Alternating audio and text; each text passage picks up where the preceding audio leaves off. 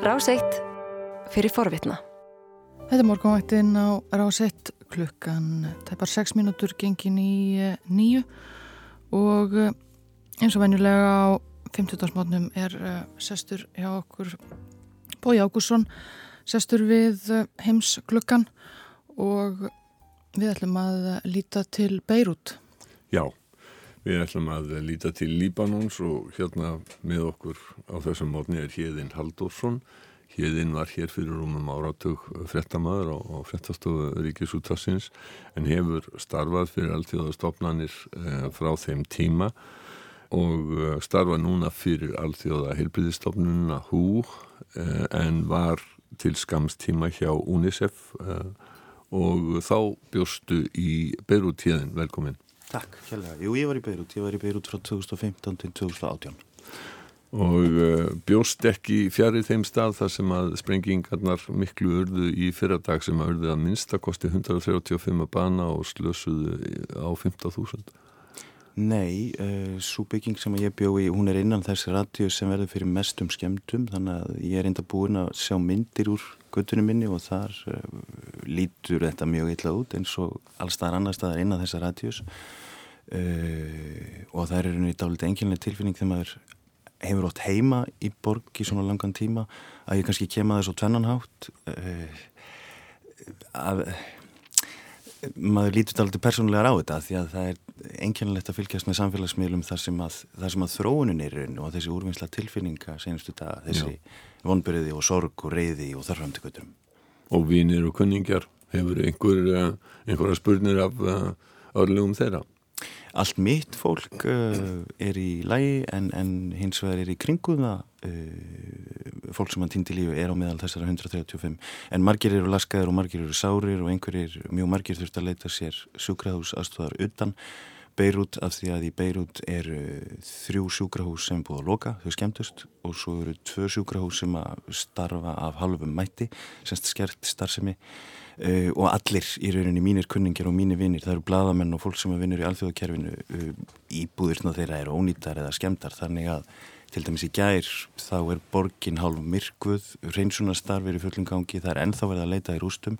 Uh, sumir hafa bröð á þar að þeir eru farnir út úr borginni í rauninni til þess að komast Eh, já bara út, út úr þessu í rauninni. Og margir eða þeir sem eiga þess kost hafa það farið upp í fjöllinu þessum að þeir hafa leitað til ættingi að vinna Nú var eh, voru miklu efnaðarsarðarleikar fyrir í Líbanon og eh, að sjálfsögðu eru þeir að glíma við COVID eins og eh, allar aðrar þjóðir.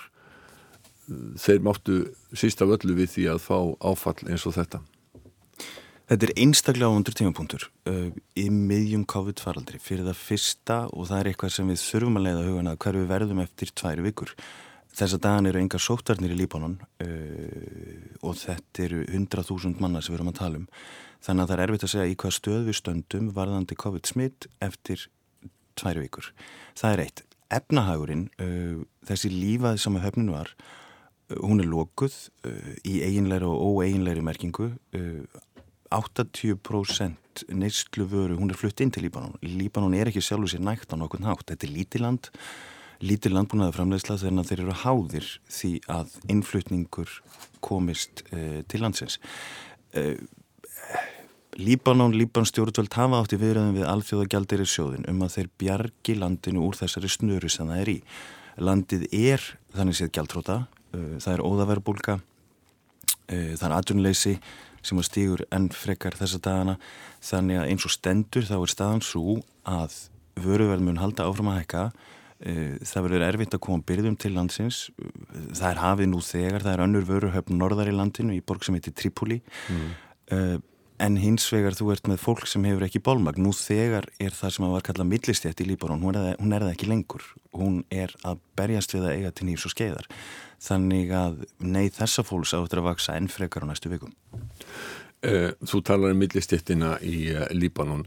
Nú var uh, voru Líbanir já, þeir eru svo við bara hlaupum örstutt yfir söguna að þá eru þeir hluti af Tyrkjaveldi, ottomannaveldinu þanga til eftir fyrir heimstyrjöld þá taka frakkar við stjórn í umbóði þjóðabandalagsins en Líbanon fær sjálfstæði 1943 Uh, á, á tímanum eftir síðar í heimstyrjöldina þá eru Líbanir já, þeir hafa það talsveit betra heldur en flest önnur Araparíki, er það ekki rétt skilji á mér? Þeir gera það og það eru oft vísað til Líbanon eða var á sínum tíma sem ákveðins fyrirmyndaríkis uh, oftar Beirut, Kölluð París, Miðusturlanda uh, bæði hvað var það stjórnarfar var hort til þeirra þeir þóttu framsæknir og stundum með mér sé að sagt að Líbanon sé ákveðið byrjunarland fyrir þá sem er að kynast miðusturlöndum að því að hún er það auðveld að aðlaga sig, hún er það vestræn. Uh, en þessi blómatími borgarinnar hann er í raunin lungu, lungu liðinu til lók uh, af því að það kerfi sem að komst á er í raunin ekki þess konar kerfi sem er starfhæft til yngri tíma litið. Uh, þú getur talað um kleftokrata, þú getur talað um spilt stjórnvöld, stundum er sagt að stjórnkerfið í Líbanon sé spilling. Eh, þannig að kannski þegar stjórnvöld, kannski þegar fyrsta hlutverk er að standa vörðum sína þegna og það er eitthvað sem að stjórnvöld í Líbónun hafa ekki gert. Það er mjög flóki stjórnkerfi sem byggist að mörguleitu upp á því hvernig uh, trúarbrót, uh, hversu stór þau voru og hversu fjölmenn þau voru í landinu þegar senasta manntal var gert 1930 eitthvað.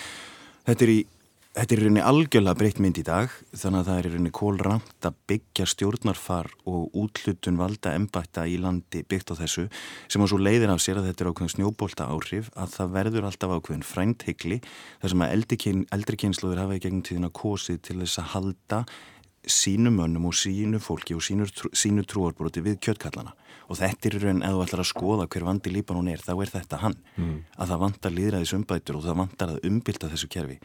e, og það er eitthvað sem að yngri kynsluðum gerir sig grein fyrir en kannski sem að þeir eldri, eldri kjósendur hafa ekki verið vilju til að gera. Þannig að 1943 þegar að landið fær sjálfstæði að þá eh, er ennbættum í runni skipt eftir trúarhópum og, og, og svona til þess að hlustendur gerir sér grein fyrir því að þá eru fjölmarki trúarhópar sem að byggja að Líbanon. Það eru kristnir menn eh, sem að runna skiptast í, í fleiri neina fylkingar en maronítar svo kallaðir fjölmennastir Það eru muslimar og það eru bæði síja og síta muslimar og það eru drúsar og fleiri hópar. Svo bætist inn í þetta eftir uh, að Ísrael var sjálfstætt 1948, mikill fjöldi palestinskra flottamanna og uh, þeir hafa ekki haft neina aðkoma að stjórn landsins uh, en þetta hefur í rauninni verið, verið frist. Fossettin hann er alltaf, hann er alltaf kristinn og fossettisráður hann er muslimi og e, mér fannst þú verða svona í að því að e, þessir ennbætsmenn þeir væri fyrst og fremst að hugsa um hag sinna hópa frekar heldur en landsins alls Þeir hafa gert það, þeir hafa gert það. Uh, ofan og þetta sem þú týndaðir bóið þá er kannski líka þetta nefna að Líbanon hefur svo lengi vel verið ákveð tappbord fyrir utan að komandi ríki. Þú ert með Íran og Sáti Arabíu sem að lengi vel hafa barist um uh, áhrif innanlands og þá ertu með Sía annarsvegar og þá ertu með Sunni hinsvegar. Uh, þannig að þetta er í rauninni kerfið sem er gengið sér til húðar. Uh, lengi vel hefur þessi skipting verið mjög skýr og almenningur hefur stutt þessa skiptingu en hins vegar það sem að gerðist á senasta ári þegar í rauninni við erum að komast nær og nær þessum þólmörkum sem að ég vil meina að við séum komin að núna en þó frekar þá eiginlega í fyrsta skiptið þá er þetta að segja að líbanir hafi fundið fyrir einhverju tilfinningu sem þjóð að því að hinga til hef, hafa þetta verið marónítar, drúsar, sunniar, síja ehm, þegar svo í oktober í fyrra að, að þá verða ákveðin kaplaskill og, og þá kemur þessi tilfinningum og nú sé nóg komið og nú þurfa að bylda einhverju. Það var von þá þegar þau mótmæli hófust að því að þetta voru mótmæli sem að byrjuðu í oktober og sem að svo deyja í mars þegar COVID kemur til. Mm -hmm. En undirleikjandi ertu ennþá með þessa mótmæla öldu eh, og svo ertu með þessa innspýtingu nú þennan, þennan stóra atbyrð á þriðudagin sem er þessi sprengja. Þannig að þú ert með þennan kokteil, þú ert með þessa undirleikjandi ólgu og, og í rauninni íbúa landsins sem eru margir hverjir konum með upp í kók afspillingu stjórnvalda. Og að þeir sjá sjálfur að þetta er ekki eitthvað sem gengur lengur. En hins vegar það sem er spennandi núna er að sjá hvort að svo aðstóð sem að mun bera slípanum lengi vel hefur alltaf verið nýtt í hana ákveðin skilirði, skilirði fyrir umbótum. Uh, Líbanon hefur átt í samningum við alþjóða gældir í sjóðan undanfatna mánuði, þeim hefur ekkit verið ágengt af því að Líbans stjórnvöld hafa ekki verið vilju til að ganga að skilmálum alþjóða sjóðsins sem eru líðræðisumbætur, eftirlitstofnanir og í rauninu mjög eðlilega kröfur á líðræðisríki. Þetta myndi þýða það að stjórnkerfinu yrði að, að umbylta.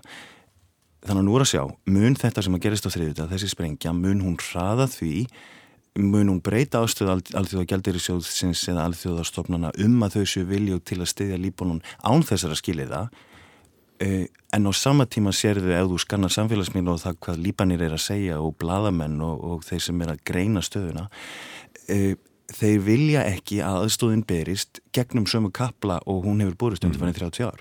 Af því að þar ertu með svo marga sem að hagnast þannig að í rauninni það fjármagn ef þú ætlar að nota þessa kapla sem eru til staðar þá kemst fjármagn ekki til staðar og þá vitum við fyrir víst, Líbanon er eitt að spiltustu ríkjum í heimi, þetta er þreyða skuldugusta ríki í heimi, þannig að ef þú ætlar að ennþá nota aftur þessar línur hjálparlínur sem þú hefur inn í landið þá sitja enn þar í dag, þá, sömu menn að kjöldköllunum. Þá fara peningandi bara til þeirra sem að uh, fara með völdu núna og ekkert breytist Já. Bre eh, já, getur sagt mótmæli sem að hófust uh, í oktober í fyrra, þau byrja vegna þess að eh, stjórnmöld ætla að hækka skatta til dæmis á bensín og, og, og fleiri svona uh, neysluvörum getum við sagt og uh, svo snúastuði upp í eitthvað annað miklu meira. Það er unni bara þessi, þessi þreita almennings og enn og aftur ég held að það sé til kynnslóðaskipti Eh, unga kynnslóðin gerir sér fulla grein fyrir að þetta sé kerfið sem er komið að, að fótum fram.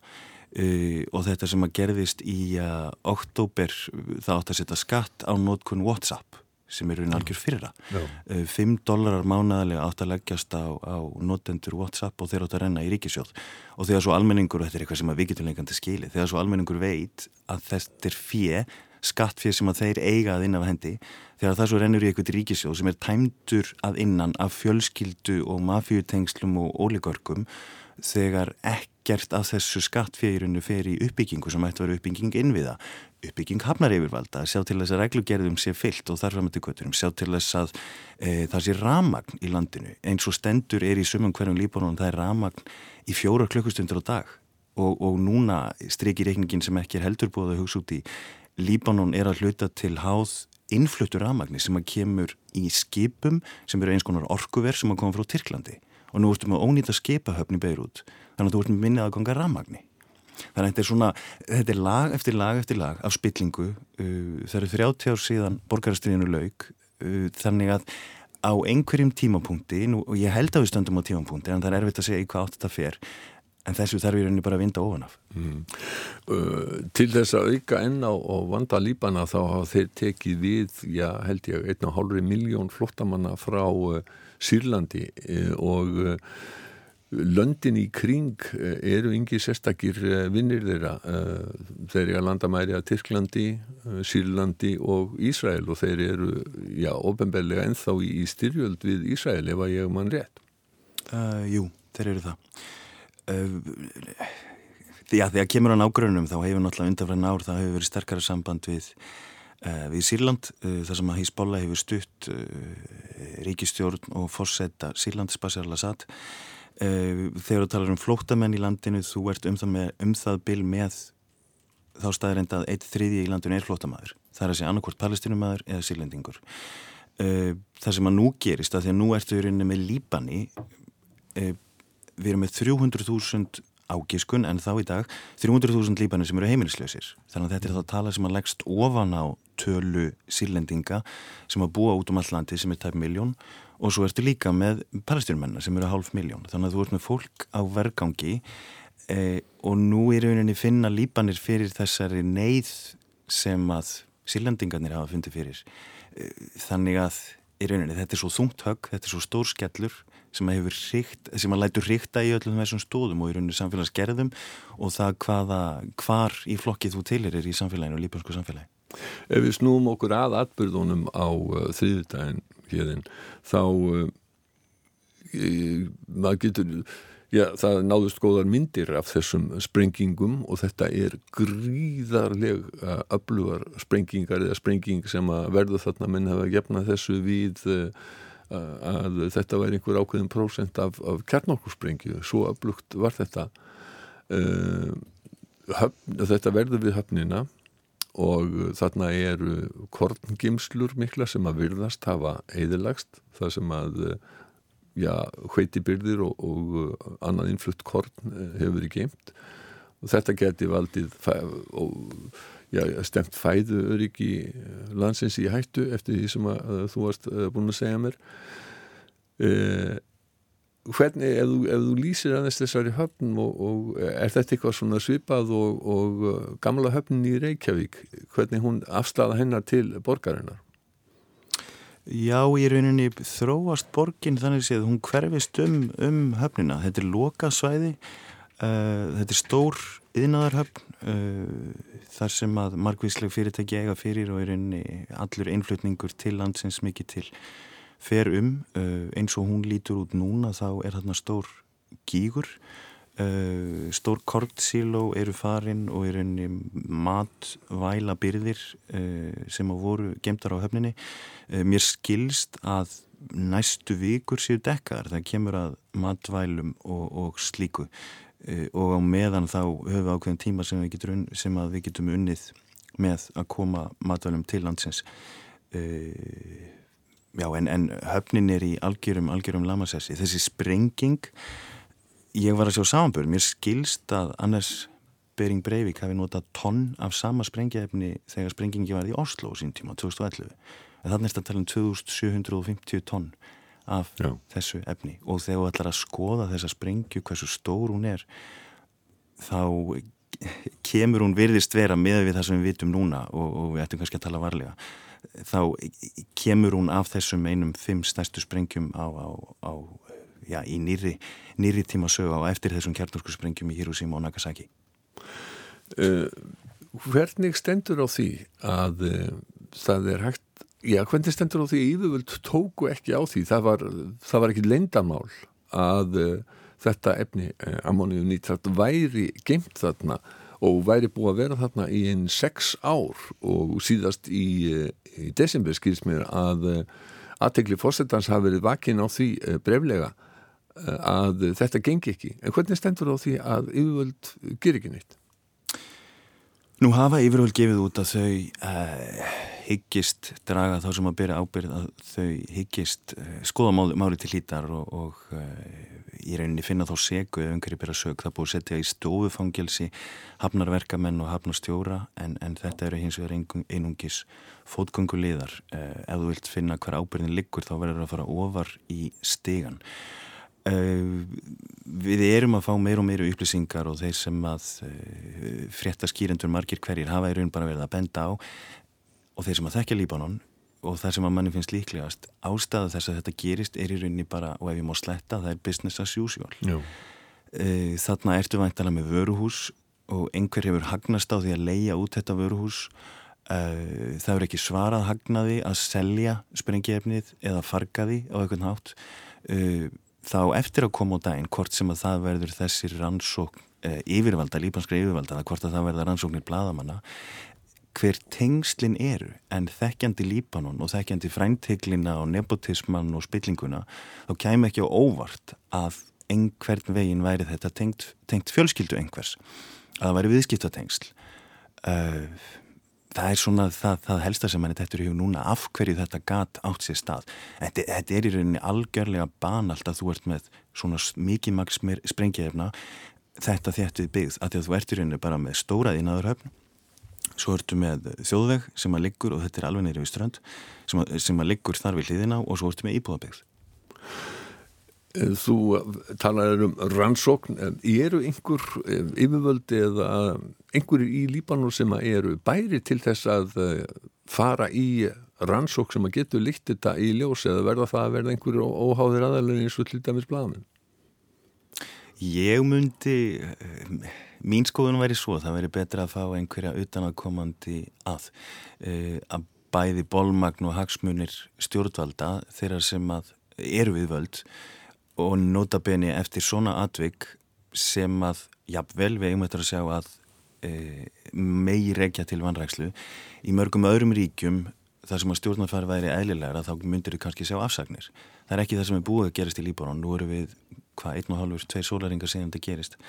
Uh, við erum búin að sjá að það er búið að benda á, á þá sem að mögulega beri ábyrð og það er einhverjir sem eru langt neðar í fæðukæðinu en í rauninni yfirvöld sjálf. Þannig að ég ber svo sem ekki mikið ég, ég hef kannski ekkit ofurmikla trú á því sem að mun koma út úr ofinberi rannsók lí, líbanska stjórnvaldar sjálfara, nei. Mikil reyði í landinu svona réttundi lokin eh, og eh, krafa um breytingar heldur þú að þetta leiði til breytinga? Þetta getur farið á eh, tvenna vegu og það eru, það eru spurningar í rauninni, já, ein spurningin er svo af hverju eru við þarna að þetta sprengi efni var þarna Uh, en í rauninni ef við ætlum að sjá hvað hva gerist næst þetta mm. getur farið þannig að reyðin er það mikil að þetta fyrir á verri veg eða þá að það gerist ákveðin samtakamátur Hjeðin Halldórsson, kærar þakkir fyrir komuna og sitja hérna við heimsklugan á þessum 50 dags mótni Þú varst að hlusta á hlaðvarpsþátt frá Rás 1 Ef þið langar til að heyra meira farðu þá á rúf.is skástrygg hlaðvarp eða spilaran á rúf.is skástrygg útvarp. Rás 1 fyrir forvitna.